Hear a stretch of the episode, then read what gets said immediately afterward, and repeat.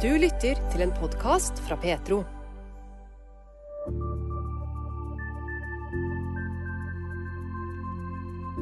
Det er utfordrende og uforutsigbart å drive hjelpearbeid i det krigsramma Ukraina.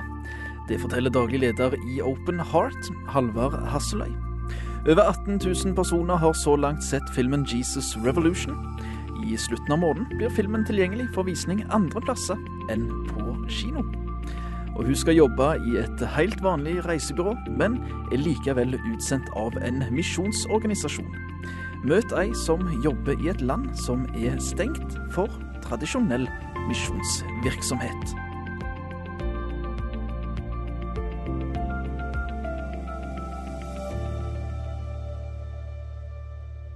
Dette er noen av sakene du får høre mer om i Petro-uken oppsummert for uke 37.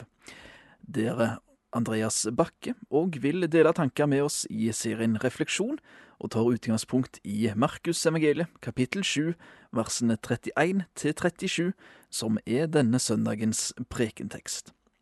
Men først i Petro-uken oppsummert skal det handle om situasjonen for kristne i Pakistan etter at muslimske ekstremister den 16. august gikk til angrep på mange kirker og bostadhus. For kristne i byen Jaranwala i Punjab-provinsen nordøst i landet. Angrepet skjedde etter anklage om blasfemi mot islam. Søndag 3. september ble en pastor i samme by skutt og skada. Det forteller redaktør i Stefanusalliansen, Johannes Morken. Han er pastor i ei av kirkene i dette området som da mange kirker ble brent ned. Han opplevde at kirkeveggen var tegga med islamistiske slagord. Han fikk politiet til å kalke over. Men så kom det da, han var på vei hjem etter å ha møtt noen kirkemedlemmer sammen med en assistent. Og så kom det to mann på motorsykkel de ville tvinge han til å framsi den islamske trosbekjennelsen. Han ville si fram den kristne trosbekjenninga. Da trakk de våpen, og han ble skutt, men da heldigvis ikke livstruende. Han er skada. Men det var nok et farevarsel om situasjonen i Pakistan. I tillegg er nylig et kristent ektepar i storbyen Lahore arrestert, anklaga for blasfemi mot islam. Og dette er altså nå etter det store angrepet mot kirker og kristne sine hus i byen Jaranvalla den 16. august? Ja, og altså, angrepet i Jaranvalla ble da utløst ved at det ble funnet noen løsrevne koransider som ble påstått å være en blasfemisk handling fra noen kristne. Det var det som mobiliserte eller ble brukt som unnskyldning for hatet i Jaranvalla. I Lahore så var det en mann som oppdaga noen, noen boksider som var blitt kasta ned på gata i et hus. Han dro til huset, eh, trengte seg inn og fant en søppelsekk på taket med papiravfall. Der ble det funnet noen koransider. Og Ekteparet i huset, som har tre barn i alderen 7 13 år, ble umiddelbart anklaga for å skjende Koranen. Politiet ble varsla, og ekteparet ble arrestert. Vår partner i Pakistan har skaffa advokat og hjelper til å ta hånd om barna. Men igjen var det dette her et påstått blasfemiangrep for å skjende Koranen. Ekteparet sier de er helt uskyldige. Dette var en søppelsekk som hørte til huseieren, som er en muslim i utlandet, som ikke de har noe med. Kanskje hadde barna funnet den og uten å vite hva det var. Men dette var altså nok til å bli arrestert for blasfemi, anklaget for blasfemi, en forbrytelse som kan gi dødsstraff i Pakistan. Og de er nå arrestert og sitter fengsla? De sitter fengsla, og så skal det selvfølgelig etterforskes. Vi eh, vi vet jo ikke hva som skjer der. Vi frykter jo at de kan bli sittende lenge inne. Det er jo mange tilfeller der folk sitter lenge før de får dom, og kanskje får alvorlig dom. Um, men vi, eh, vår partner har skaffa advokat, og vi håper på at de kan slippe fri mot kausjon i så fall. Men uh, det verste er altså årevis i fengsel og kanskje dødsdom. Som ikke blir fullbyrda, men likevel ødelegger liv. Eh, litt tilbake til dette som skjedde da i midten av august, 16. Eh, august i Jaranvalla, altså denne her byen utenfor Faisalabad i Punjab-provinsen. Hvis du skulle beskrive litt sånn kort omfanget av det som hendte 16. august, eh, hvor stor omfang snakker vi om her? Altså Det kom en mobb som begynte da rett og slett å brenne kirker. Og brenne og vandalisere kirker. Det vi vet er at 25 kirker er vandalisert og eller brent. Over 90 hus er brent, ødelagt. Verdisaker stålne. Alt annet var knust. Det fantes ingenting igjen som var brukbart. Det hang en ekkel, svart røyk etter bruk av kjemikalier over området. De kristne kom seg altså unna, da, for de visste jo hva som kunne skje. De ble hjulpet av naboene sine for å komme seg ut og gjemme seg. Kvinner og barn gjemte seg ute i åkra med høye sukkerrør. Noen andre var der og prøvde å observere hva som skjedde. Så ingen ble drept, men folk sitter fryktelig redde og traumatiserte tilbake. Angrepet 16.8 mot kristne i Jaranvalla kom etter anklage om at to kristne hadde skjenda Koranen. Hvor står etterforskninga i den saka nå? Er det funnet bevis for det, så langt eh, du vet? Ja, altså, Vi vet ikke om det er funnet bevis på det. Vi har jo virkelig håp om at det blir en skikkelig etterforskning, som da kan klargjøre om de faktisk hadde gjort noe, men også uansett stille de ansvarlige for en ufattelig voldsbruk til, stille de til veggs og ansvar.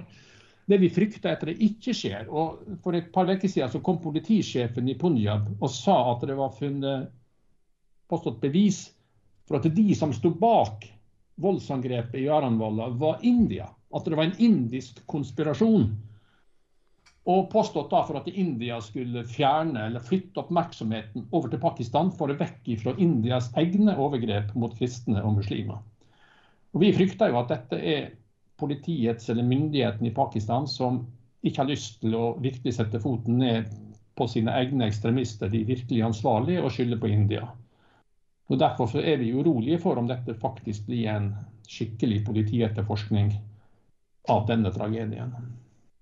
Etter det så hendte denne her eh, augustdagen, 16. Eh, august, eh, i Jaranvalla.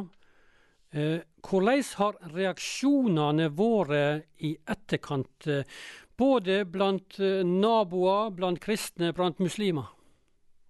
Det vi, det vi vet, eller de som har undersøkt det som skjedde, var at de som satte i gang denne voldshandlingen, kom utenfra De frakta inn på traktor, eller kom på motorsykler. Så kom de, og de fikk også bruke moskeens høyttalere til, til, å mobilisere. Mens de nærmeste naboene til de som var angrepne, muslimer, både sunni og shia, ga hjelp til de kristne for å komme seg unna dette, denne rasende folkemengden som, kanskje, som talte kanskje flere tusen. Så vi så altså naboene stille opp. Og så har vi jo sett i Pakistan at det er jo muslimske ledere og andre som virkelig har fordømt dette. Um, fordømt angrepet. Um, og statsministeren har også fordømt det med kraftig ordlag og lovd beskyttelse av minoriteter. Og lovd å gjenoppbygge Jaranvalla. Det vi er urolige for på det punktet, er jo om regjeringen denne gangen vil oppfylle løfter om det blir en beskyttelse av minoriteter, eller om det fisler bort og ikke blir gjort, og om midlene til gjenoppbygging ikke kommer. Foreløpig er det sivilsamfunnet som hjelper de, de, de som står ribba tilbake. Så eh, det, Vi har hatt mange skuffelser i Pakistan. De som kjemper i Pakistan, har hatt mange skuffelser på det punktet. Dere skriver også på nettsida deres at, eh, at, eh, den pakistanske menneskerettskommisjonen frykter at dette kan være en, en målretta hatkampanje mot kristne. Hvor sterkt hold er det i den frykten? Den pakistanske menneskerettskommisjonen har jo eh, i mange miljøer et godt rykte for å være en uavhengig stemme.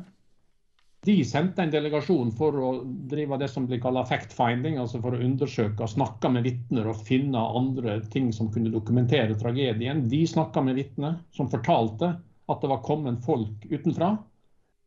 De så videoer av ekstremistiske politikere fra et religiøst parti som hissa opp til vold.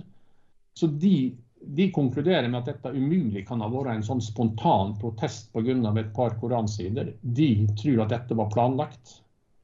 Altså Her gjelder det å bare vente på en unnskyldning, så går det til angrep. Og de ser ikke bort ifra at dette her er større, en del av en større hatkampanje. Og Det vi har sett i sommer, altså det her i, en, et landsbyområde litt vest for Faisalabad, så har det jo igjen siden begynnelsen av juli vært en rekke tilsvarende anklager om blasfemi med skjending av Koranen. Og I flere tilfeller så måtte folk flykte fra sine landsbyer uten å komme tilbake til så store ødeleggelser. Men det har vært Så de ser altså flere til en, vekst, en brå vekst igjen av sånne anklager. Så det er grunn til å frykte at kommisjonen har rett i at dette her er del av en større kampanje. Men hvis vi ser etter disse hendelsene du har fortalt om her, Johannes Morken i Stefanus i Alliansen, hvordan håndterer kristne livet videre? Hva inntrykk sitter du med der? Vi vet jo fra f.eks. terrorangrep med forsøk på skyting og forsøk på å kaste bomber i, i kirker i Lahore tidligere, så har kristne etterpå de har fylt kirkene fortsatt. Så De gir jo ikke opp trua. De vet jo at fellesskapet de har med, med, hverandre og med Gud, det er helt avgjørende i slike kriser. og Det ser vi fra andre sammenhenger òg. Ehm, at de, det betyr mye for de å møtes, og så trapper de opp noe sikkerhet på greier, dels med offentlige, dels med egne folk. Og så møtes de og fyller kirkene. Og det samme ser vi vel i Jaranvala. Nå er det ikke mange kirker å fylle, for de er ødelagt, men de møtes likevel. Og, og vi vet jo at vår partner er blant de i sivilsamfunnet som gir dem mat og håp. Så vi vet at det er viktig å stille opp for dem, og at de ikke blir glemte, verken materielt eller åndelig eller sosialt. Så Det vi kan gjøre, er å huske dem og hjelpe. Det sa Johannes Morken, redaktør i Stefanusalliansen. De har nå satt i gang en innsamling for å hjelpe kristne i byen Jaranwala i Pakistan, som har mista kirke og hus etter det som hendte 16. august. Men er situasjonen for kristne i Pakistan blitt forverra? Vi spør Johannes Morken, redaktør i Stefanusalliansen, om utviklingstrekker for kristne sin situasjon i Pakistan. Pakistan har jo, for å ta det veldig stort altså De ble jo en skilt ut samtidig med India, eller ble delt ut når, når britene forlot det indiske kontinentet, så det ble en islamsk republikk. Men så er jo da blitt mer og mer islamisert fra slutten av 80-tallet. Og de, de, kristne er gjerne fattige. Bor i fattige nabolag. Eh, blir diskriminert i skoleverk, i pensum og i klasserom. De har ofte, svært ofte de dårligste jobbene. Dagarbeidere, kanskje innenfor teglverk eller avfallshåndtering. Eh, bor da i isolerte områder for seg, i landsbyer eller inne i storbyer. Det er klart det er en underprivilegert, fattig gruppe på mange måter, men de har jo sine kirker. og, og får lov til det. De, de har jo rett til å, tjene, å, gå i kirke, men så er det da ekstremistene som kan slå til. Og et nokså varierende beskyttelse de har. Så det er, og så ser du da sånt, blasfemianklager som kommer. Dødsdommer og voldsaksjoner. Og så vet vi jo at kristne og, hind, og hindujenter, kanskje 1000 i året, blir bortført, kidnappa, tvangskonvertert og tvangsgifta til muslimske menn som vil ha dem som slaver, tjenere i huset. Sånne målretta angrep på minoriteter gjennom sårbare jenter. Så dette er utviklingstrekk som rammer kristne, men også andre religiøse minoriteter. Men er det trekk som har blitt forsterka siste åra, eller? Ja, altså forsterka og delvis forsterka, kan du si. Altså Blasfemiloven er jo blitt verre. Så bare dager før, for å ta den, da, bare ei veke eller drøyt ei veke før tragedien i Jaranvalla, så hadde altså overhuset i parlamentet i Pakistan vedtatt en utvidelse og en forverrelse av blasfemiloven. Nå er det ikke bare, ikke bare Koranen og profeten som kan hånes, men også konene til profeten og andre nærstående, fornærmelse av de kan gi fengsel på livstid, og minstestraffa i blasfemilova ble heva til ti år. Så da, når, når Underhuset vedtok dette i januar, så sa de at nå er blasfemilova komplett. Nå, er jo, nå henger hun i hop. Og så vedtok samtidig Senatet eller sa nei til å innføre et eget minoritetsvern. Så lovmessig er situasjonen i Pakistan blitt verre. Misbruk av blasfemilova er ikke blitt mindre. Og bruken av og misbruken av han går selvfølgelig nok i bølger, men akkurat nå er det en forverring vi ser. Vi i vår del av verden har en helt annen situasjon når det gjelder trusfridom. trosfridom. Hva kan vi bidra med når vi hører om eh, medmennesker som eh, blir forfulgt for sin tro? Altså det, er jo, det å sende en gave hvis det er innsamling, det å bidra med bønn, det å de som er aktive i en menighet, må gjerne etterlyse eller spørre hva gjør menigheten. Har vi, har vi regelmessige bønner informasjonskampanjer i, i kirka vår om dette? Eh, så å støtte opp om oss som da holder på både langs de sporene jeg nevnte, politisk bønn, appell og, og gaver. Så vi kan gjøre noe, eh, enten enkeltvis gjennom kirker eller gjennom organisasjoner. Er din erfaring at eh, håndsrekning fra andre land betyr noe for enkeltpersoner i de som er ramma?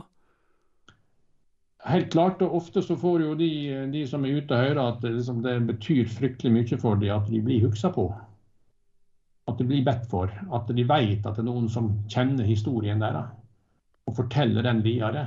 Det å føle seg glemt er en ekstra belastning i en tragedie. Så det å bli huska på, støtta og fortalt om i vest eller andre land, er fryktelig viktig i den store fortellingen om dette.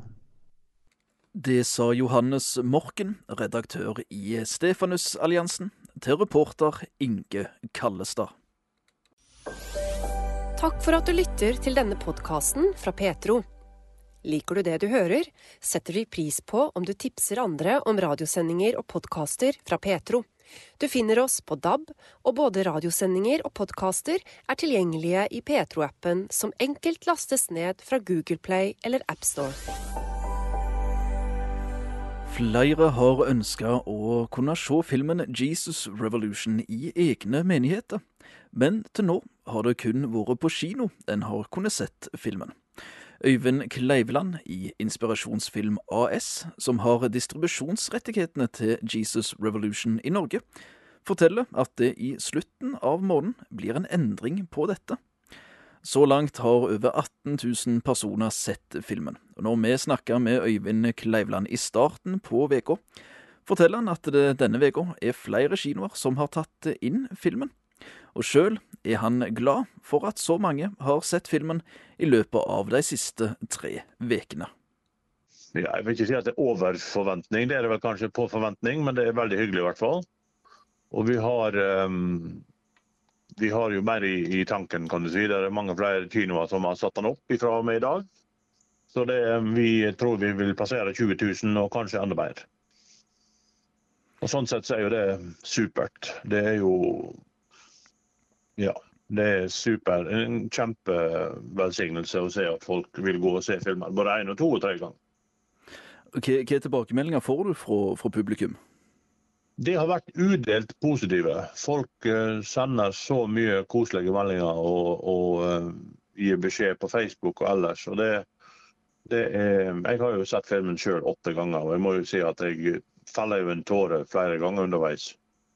Eh, men det at folk berøres av filmen, og det at jeg berøres av filmen fortsatt, er jo morsomt. Men det at folk berøres av filmen både første, andre og tredje gangen de ser den, det, det, viser jo at filmen er en kvalitetsfilm, og at den toucher ved noe i sjela på oss kristenfolk som uh, sier at dette her kan kanskje skje igjen.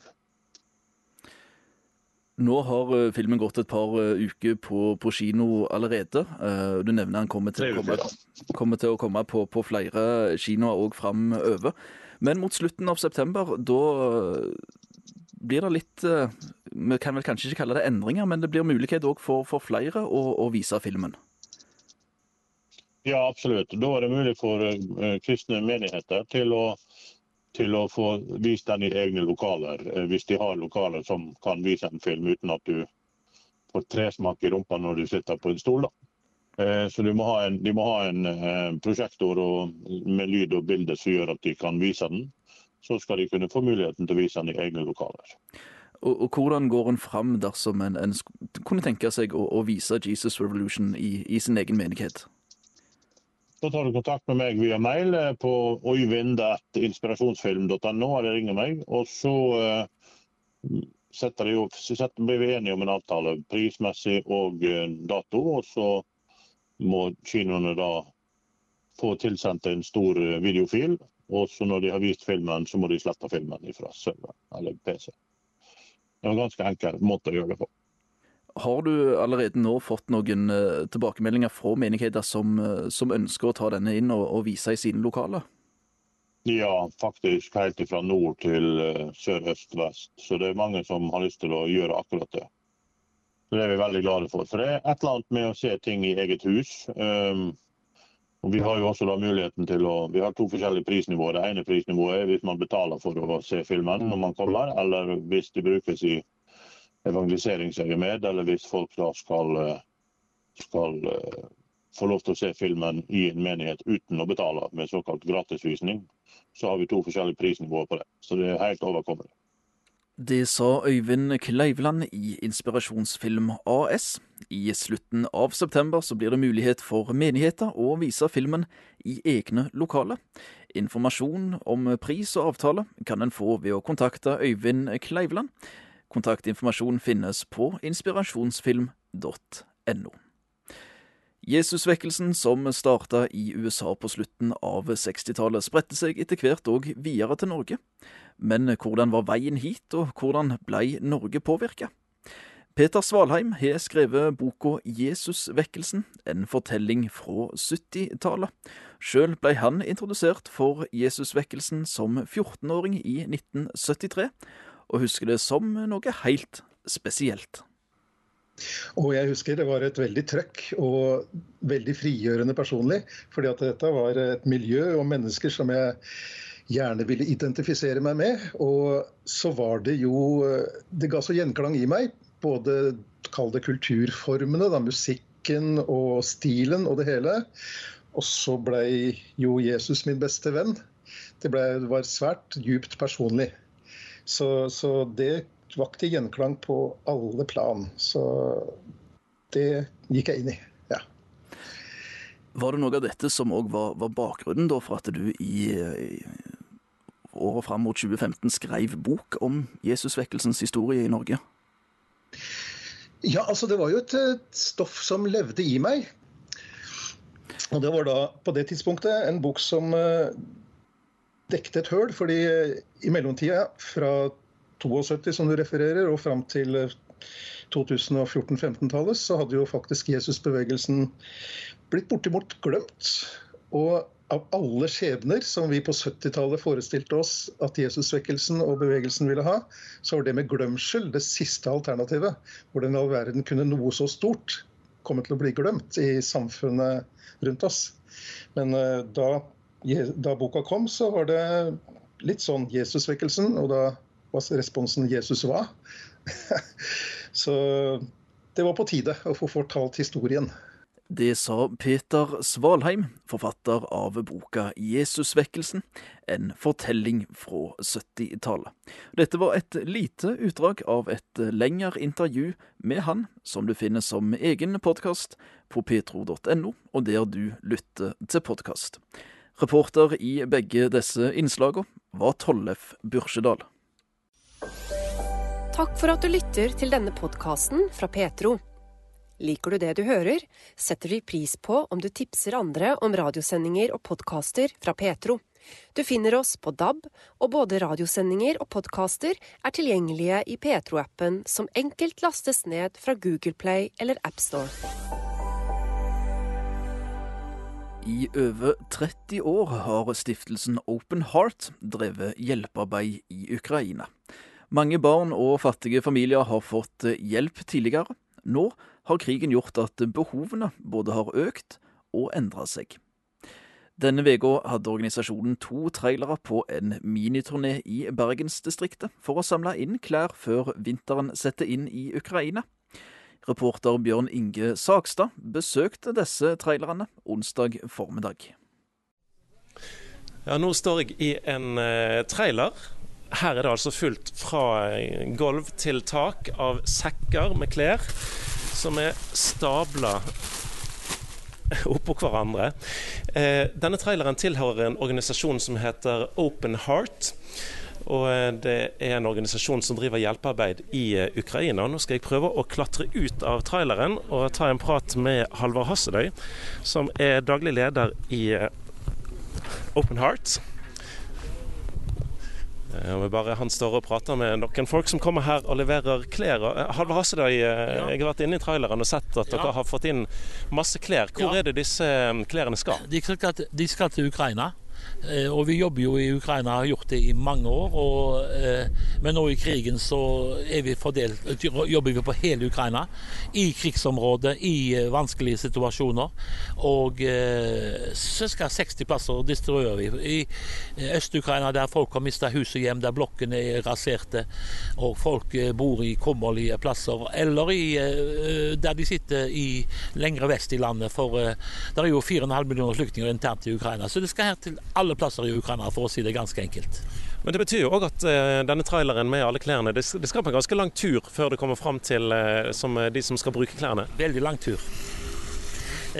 veldig lang tur. jeg må bare tenke, Nå er vi i Bergen, og det er jo bare til dra Oslo er det jo 60-70 mil, og så er det er 250 Så det er, det er 350 mil totalt. Og så enda lenger etterpå.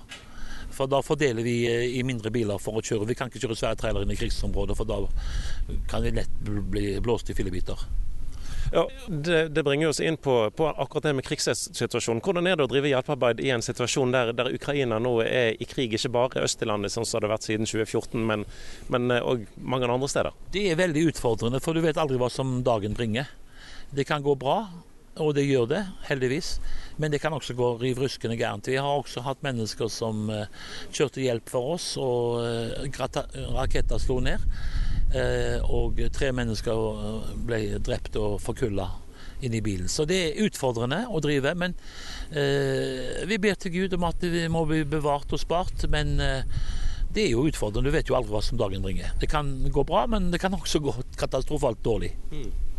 Hvordan er det da å sitte med ansvaret for noe sånt? Noe?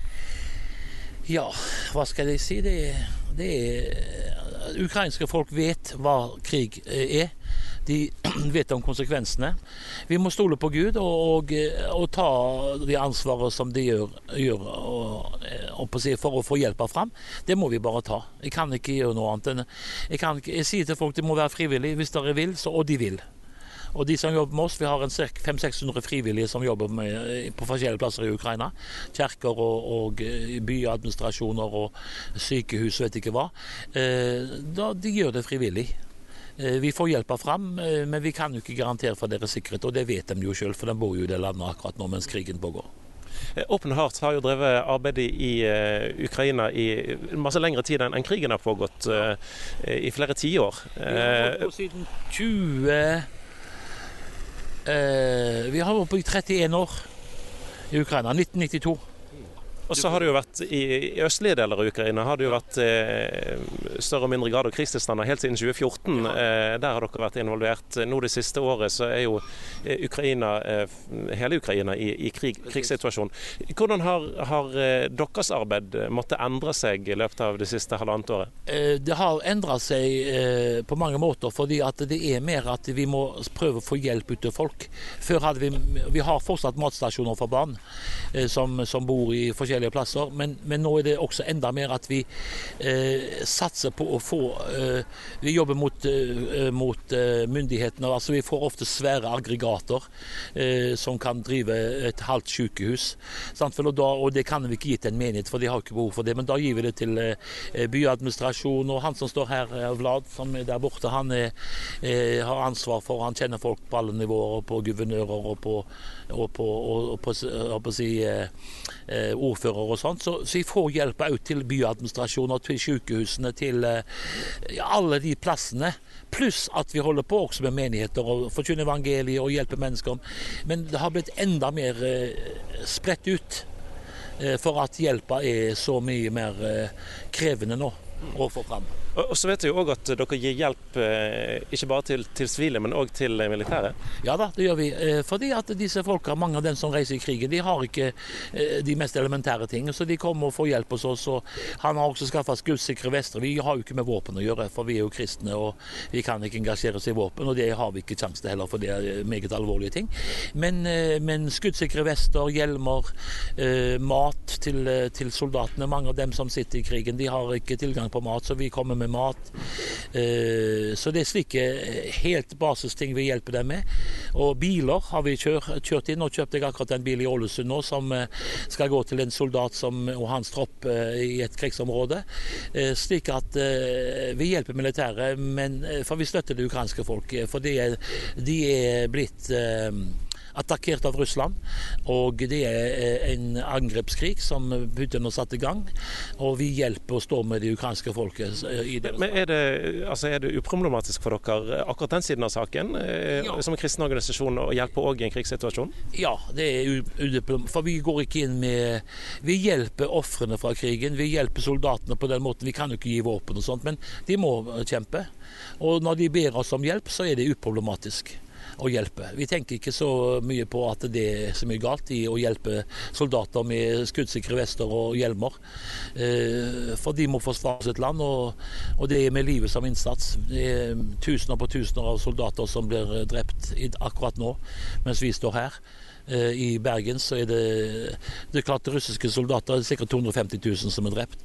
Eh, men det er ganske mange titusener på titusener også blant ukrainske. Vi ser det på gravplassene, hvordan de begraver dem. og Vi møter enkene som vi hjelper, og barna deres. og så det er tøft, og derfor er det ikke det for oss noe problem. Vi hjelper på alle nivåer. Så er du altså i, i bergensområdet eh, denne uken ulike plasser og eh, har med to trailere. Samler inn eh, klær som altså da skal til Kiev først, og så distribueres videre ut derifra. Opplever dere noen endring i, i altså, givergleden og oppmerksomhet fra, fra, nordmenn, eller er det uendret? Det er uendret og kanskje enda mer. Folk i Norge de eh, responderer veldig. Så vi opplever veldig stor Folk er flinke å gi penger, folk er flinke å gi eh, klær, folk er flinke å gi eh, sykehusutstyr, folk er flinke å gi eh, aggregater. Eh, jeg vet ikke hva Gamle vedovner som folk Nå kommer vinteren minus 30 grader i Øst-Ukraina. Folk fryser uten hjelp, så, så, vi kjører inn gamle vedovner, ofte gjort. Men vi, vi, har ikke det her i Bergen, for det, det, er litt komplisert og det er tungt. Men vi, vi gjør hele den pakka der gjør vi for å, eh, for å hjelpe. og folk folk responderer på en fantastisk måte. Det sa daglig leder i stiftelsen Open Heart, Halvard Hasseløy. Denne uka var de på en miniturné i bergensområdet for å samle inn klær som skal sendes til Ukraina. Informasjon om innsamlinga i nærheten av deg kan du finne på nettsida openheart.no. Intervjuet var ved Bjørn Inge Sagstad. Petro har mange ulike podkaster og serier. Samlivsskolen gir råd og tips til par. I Pastoren og Journalisten prøver vi å finne ut hvorfor mange unge forlater menigheten i overgangen til voksenlivet. Og i Petro-gjesten får du høre livs- og troshistorien til en lang rekke spennende mennesker. Ekte og ærlig. Du finner alt i Petro-appen, på petro.no, eller der du ellers lytter til podkaster. Hun kaller seg Mona, og for et halvt år siden flytta hun til en by med det oppdikta navnet Safir i Nord-Afrika, der hun skal jobbe med reiseliv. Av sikkerhetsgrunner kan vi ikke bruke hennes egentlige navn, og heller ikke si mer nøyaktig hvor hun jobber.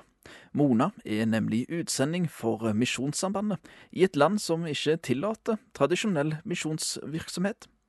Sjøl har hun vokst opp med kristen misjon i et helt annet land. Ja, jeg eh, har jo vokst opp på misjonsfeltet sjøl, um, ehm, så det har alltid vært en del av meg. Uh, men så hadde jeg, jeg hadde lyst til å studere noe annet enn til å bli lærer eller sykepleier. Så da ble det på reiselivsledelse. Og så hadde jeg òg lyst til å bru kunne bruke det sammen med misjon på et eller annet vis. Så åpna det seg opp en mulighet for at uh, jeg kunne bruke nettopp det. Så det er vel litt av grunnen. I tillegg til at jeg liker å reise, og jeg liker å utforske og bli kjent med nye kulturer og folk og språk er både gøy, selv om det er vanskelig. Um, ja. Så det å bli brukt av Gud sånn som jeg er, med det, den utdanningen jeg har, ja, er vel litt av grunnen til at jeg har flytta ned til Nord-Afrika. Språk, sier du. Har du lært deg språk? Ja, det har jeg. Nå i fjor, altså 2022, så var jeg et år i Frankrike og lærte fransk. Mens nå, siden januar, siden jeg flytta ned til Nord-Afrika, har det gått i arabisk. Vanskelig? Det er ikke lett, det er det ikke. Det er veldig mange Iallfall i arabisken er det veldig mange nye lyder. Og rare Eller ikke Jo, de er jo litt rare. Og vanskelige å si, kanskje for meg, da. De har for eksempel ra, ra og ha, Og det høres jo bare ut som en r for meg som er fra Jæren. ja. Og så grammatikken, ja ja, den er vel eh, litt vanskelig den òg, av og til. Men da har du altså en språklærer med deg her? Det har jeg. Da er det ei som er fra landet som jeg bor i. Som, eh, hun snakker perfekt engelsk, hun snakker òg fransk, eh, men som lærer oss arabisk. I denne byen du bor i i Nord-Afrika, så skal du nå jobbe i et eh, reisebyrå. Fortell litt om, om det du skal gjøre. Ja, jeg skal jobbe i et reisebyrå, så det, jeg gleder meg veldig til det. Eh, hovedoppgaven min blir rett og slett å legge opp turer og planlegge dem med tanke på hvor, hvor er det folk skal henne, hva, hva turistattraksjoner skal de se på, hvor skal de bo henne, hva hotell, hvor skal de spise henne, hva restaurant, eller skal de spise på hotellet, eller skal de ut og ete? Eh, og om de eventuelt får uh, møtt noen lokale. Um, målgruppene våre for, for med tanke på turister til landet som jeg bor i, det er jo egentlig norske folk. Vi ønsker å, å, å løfte opp landet og vise det det har å tilby. Uh, det er f.eks. annet ganske mye kirkehistorie, tidlig kirkehistorie i landet, og i hele Nord-Afrika egentlig. Uh, så det er mye spennende som går an å vise fram der. I tillegg til at eh, en har ørken, en har eh, litt frodigere områder og fjell, og en har strand og sol. Så litt sånn typisk sydenferie òg, på en måte. Mm. Nå har du lært språk, sier du, og så skal du i gang og jobbe på reisebyrå. Hvordan ser du for deg eh, hverdagslivet blir i denne byen i Nord-Afrika? Jo, hverdagen den kommer fortsatt til å bestå av språk, altså. Jeg er ikke ferdig. Ikke ferdig på bare seks måneder.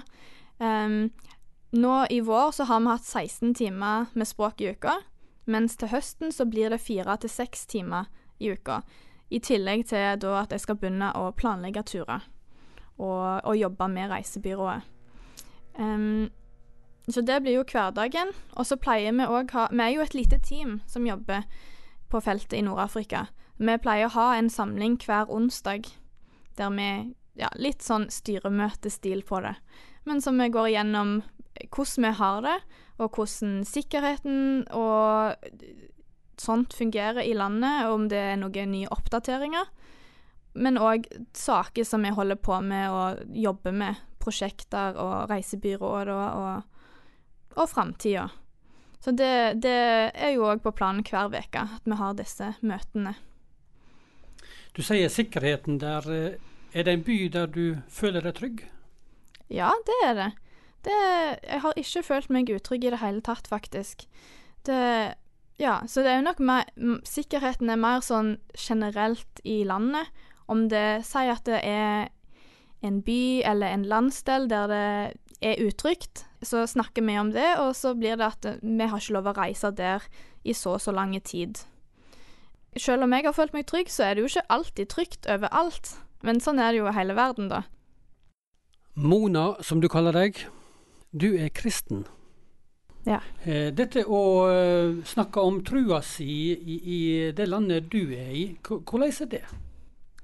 Ja, Uh, en må jo kanskje være litt kreativ av og til. Men uh, i et muslimsk land så er det faktisk ikke så vanskelig å komme inn på det med tror, egentlig. Um, for eksempel så har en Ja, i islam så har de jo flere høytider, sånn som vi har i kristendommen.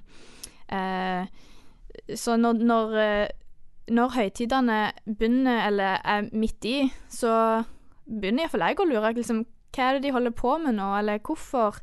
Eller hvordan, hvordan gjør de vanlige folka det?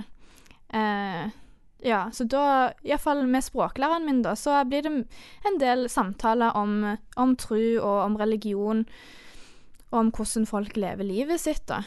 Så ja, alt ifra gravferd til bryllup til, til ramadan, som er nokså kjent uh, i hele verden, og til id. Ja. Så det er mye forskjellige feiringer som det går an å snakke om. Mm. Er det en kristen menighet som du kan gå i? Ja, det er det. Vi har bl.a. et internasjonalt fellesskap, der vi er flere som arbeider med det samme formålet i Safir og i landet. Eh, er denne byen som de kaller Safir? Ja, denne byen som vi kaller Safir. Det er jo et dekknavn for at Ja, for det er et sensitivt område.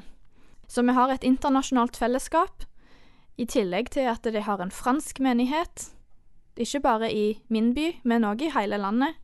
Eh, og den er ganske stor. Der er det ganske mange studenter fra Sub-Sahara, altså sør for Sahara, som kommer og skal studere i Nord-Afrika. Og en del av de er kristne. Så da har de en menighet. Men hvor åpent kan en snakke om uh, trua si? Altså, en kan egentlig være ganske åpen. Det er mer at vi kan ikke evangelisere. Vi kan ikke Vi kan kanskje ikke ta initiativet til å liksom prøve å konvertere noen. Men hvis det oppstår samtaler om tro og liv, så har vi lov å dele. Det er jo Det er jo eh, det er en del av vår personlighet, vår tro. Så det å kunne dele når folk spør, er helt greit. Ja. Og I tillegg til den franske menigheten, så har de òg en lokal menighet. Den er ganske liten, da, så det er ikke så mange som samles. Og dette er med menigheter som er åpne, offisielle på en måte i samfunnet? Ja, eh, staten vet nå iallfall om det internasjonale fellesskapet og den franske menigheten, og de vet òg om de lokale som møtes. Så de, ja, de følger med. Det gjør de. Mm. Nå har du vært i dette landet i Nord-Afrika et halvt års tid. Ser du for deg hvor lenge du kommer til å bo i denne byen som de kaller Safir i, i Nord-Afrika? Jeg tror nok det blir noen år. Så får vi se litt hvordan framtida blir. Uh, ja, men jeg, egentlig, jeg, tenker jo egentlig langsiktig. Det gjør jeg jo. Så det er vanskelig å si. Du møtte Mona, som hun kaller seg. Av sikkerhetsgrunner kan vi ikke bruke hennes egentlige navn. Hun er utsending for Misjonssambandet i Nord-Afrika, et område der en ikke kan misjonere fritt, ofte kalla sensitivt område. Intervjuer var Inge Kallestad. Takk for at du lytter til denne podkasten fra Petro. Liker du det du hører, setter vi pris på om du tipser andre om radiosendinger og podkaster fra Petro. Du finner oss på DAB, og både radiosendinger og podkaster er tilgjengelige i Petro-appen, som enkelt lastes ned fra Google Play eller AppStore. I serien Refleksjon er det denne uka Markusevangeliet kapittel 7 og versene 31 til 37 som er utgangspunktet for tankene som Andreas Bakke deler med oss. Har du venta på Guds inngripen noen gang? Det har fall jeg. Jeg har både venta og lengta etter at Gud skal ta tak i ting i livet mitt som er vanskelig. Og fortsatt lengter jeg venter på at han kan hjelpe meg med noen av de utfordringene som jeg kjenner på. Samtidig har jeg erfaring med at Gud har løfta meg ut av vanskelige situasjoner. Mens jeg kunne oppleve at ting var ganske krevende, så var Gud der og på en eller annen måte hjalp meg ut av det som var vanskelig. I Salme 40 forteller David om en slik opplevelse. Livet fikk en helt ny vending, og plutselig begynte ting å se lyst ut igjen. Uten jeg veit hvor lenge David hadde venta, så er min erfaring at jeg ofte må vente lenger enn jeg hadde sett for meg. Jeg og Gud kan ofte ha litt forskjellig syn på tid. Salme 40 forteller også at David hadde stått i problemer en god stund. Et annet viktig poeng som jeg legger merke til, er at Gud griper inn gjennom mennesket vi har rundt oss. Det er sjelden liksom han kommer sjøl, eller gjennom en engel. Men gjennom personer rundt oss er det ofte at vi kan oppleve hans inngripen.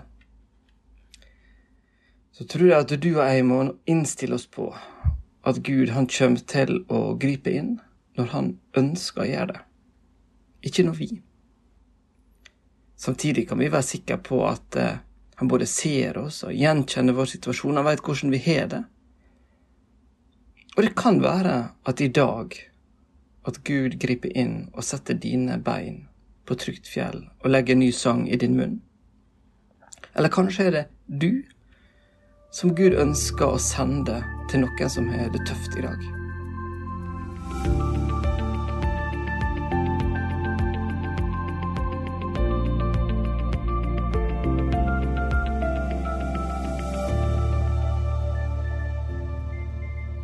Vi går nå mot den 16. søndagen i treenighetstiden. I dag vil jeg si litt om et aspekt ved preikenteksten i slutten av Markus 7. Jesus er nå helt i utkanten av det området han stort sett holdt seg i. Og de fører en mann til han som var døv og hadde vondt for å snakke.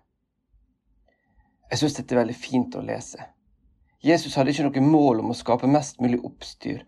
Han velger da ikke å gå forbi slik kanskje mange andre hadde gjort han ser nemlig hvordan denne mannen har det, og han ønsker å hjelpe til. Han tar han derfor bort ifra mengden, for å bare være sammen med denne mannen alene. Eller iallfall sammen med ganske få. Det kan faktisk være slik at Gud ønsker å gjøre noe i livet ditt også, men at han trenger at dere kommer dere bort ifra mengden. At han trenger at det er litt ro rundt det som skal skje. Det kan være at denne roen er nødvendig for at du skal merke at Gud ønsker å gjøre noe i livet ditt, at han ønsker å gripe inn på en måte som gjerne er annerledes enn det vi hadde sett for oss. Kan det være at Gud ønsker å ta deg bort fra folkemengden for en liten stund, for å jobbe med deg og ditt liv akkurat nå? Tenk litt på det i dag.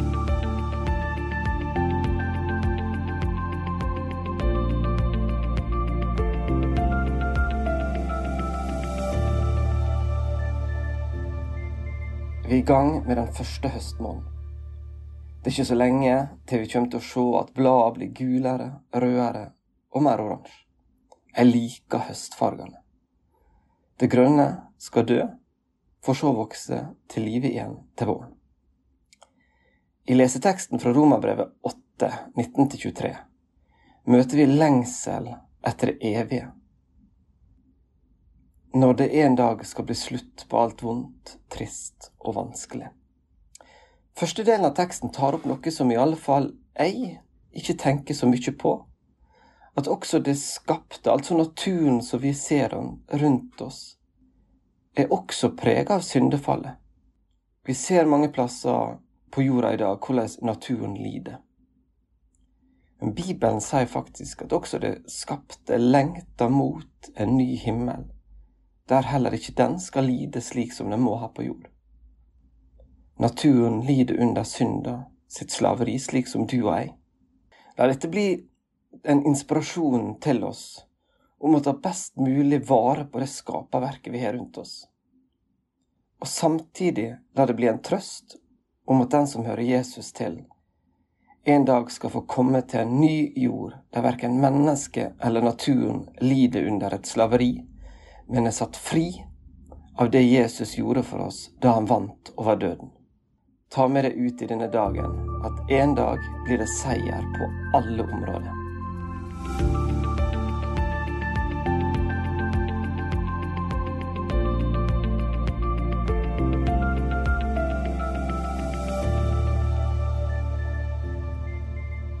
Vers 23 i Romerbrevet 8 sier også vi som har fått Ånden, den første frukten av høsten som kommer, sukker med oss selv og lengter etter å bli Guds barn, fullt og helt når kroppen vår blir satt fri. Det skjer noe med oss mennesker når eh, tida vår her på jord øker. Sjøl er jeg snart 42 og håper at jeg bare omtrent halvveis med livet her på jorda, men ting er annerledes enn da jeg var 20. Det er litt oftere jeg har vondt her og der. Jeg kjenner flere som er syke og strever med helsa, og kjenner oftere folk som dør. Det er oftere og oftere jeg ser fram til denne dagen da kroppen skal bli fri. Tenk det, da. Krykker kan kastes, rullestoler finnes det ikke, hofta sitter som den skal og hodepinen er borte. Til og med plaster og sårsalve er helt unødvendig å ha. Det blir ingen store, svarte avisoverskrifter om sykdommer som er på vei, eller symptom som vi ikke bør overse. Kanskje du merker Den hellige ånds gjerning i livet ditt. Bibelen sier at det var en liten forsmak på det fantastiske vi har vente. Du og jeg skal settes helt fri i en kropp som er helt uten feil og mangler.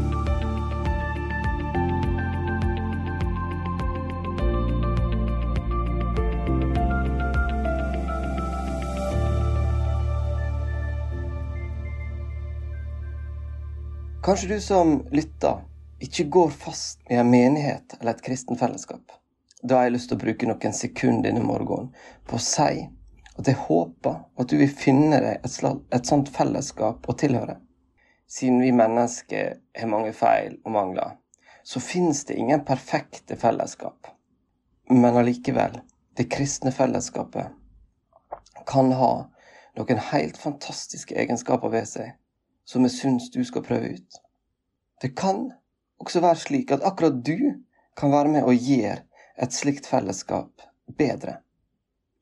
Tenk gjerne på hvor du skal ta turen søndag formiddag. Det kan fort bli starten på noe veldig fint. Preikenteksten denne 16. søndag i treenigheten er fra slutten av Markus 7. Jesus griper inn i livet til en mann som var døv og hadde vondt for å snakke. Jesus ønska ikke at denne og lignende historier skulle spre seg, men folket kunne ikke la være å fortelle om det som skjedde. En av de tingene som ble sagt, var alt han har gjort, er godt. Gud er god. Ja, det kan ofte være vanskelig å tro i vår tid med så mye ondskap rundt oss. Men til tettere vi kommer på Jesus, til lettere blir det å være enig med de som traff han i levende livet. Alt han gjør, er godt. Ta det med deg inn i helga. Og lykke til med å finne et fellesskap på søndag.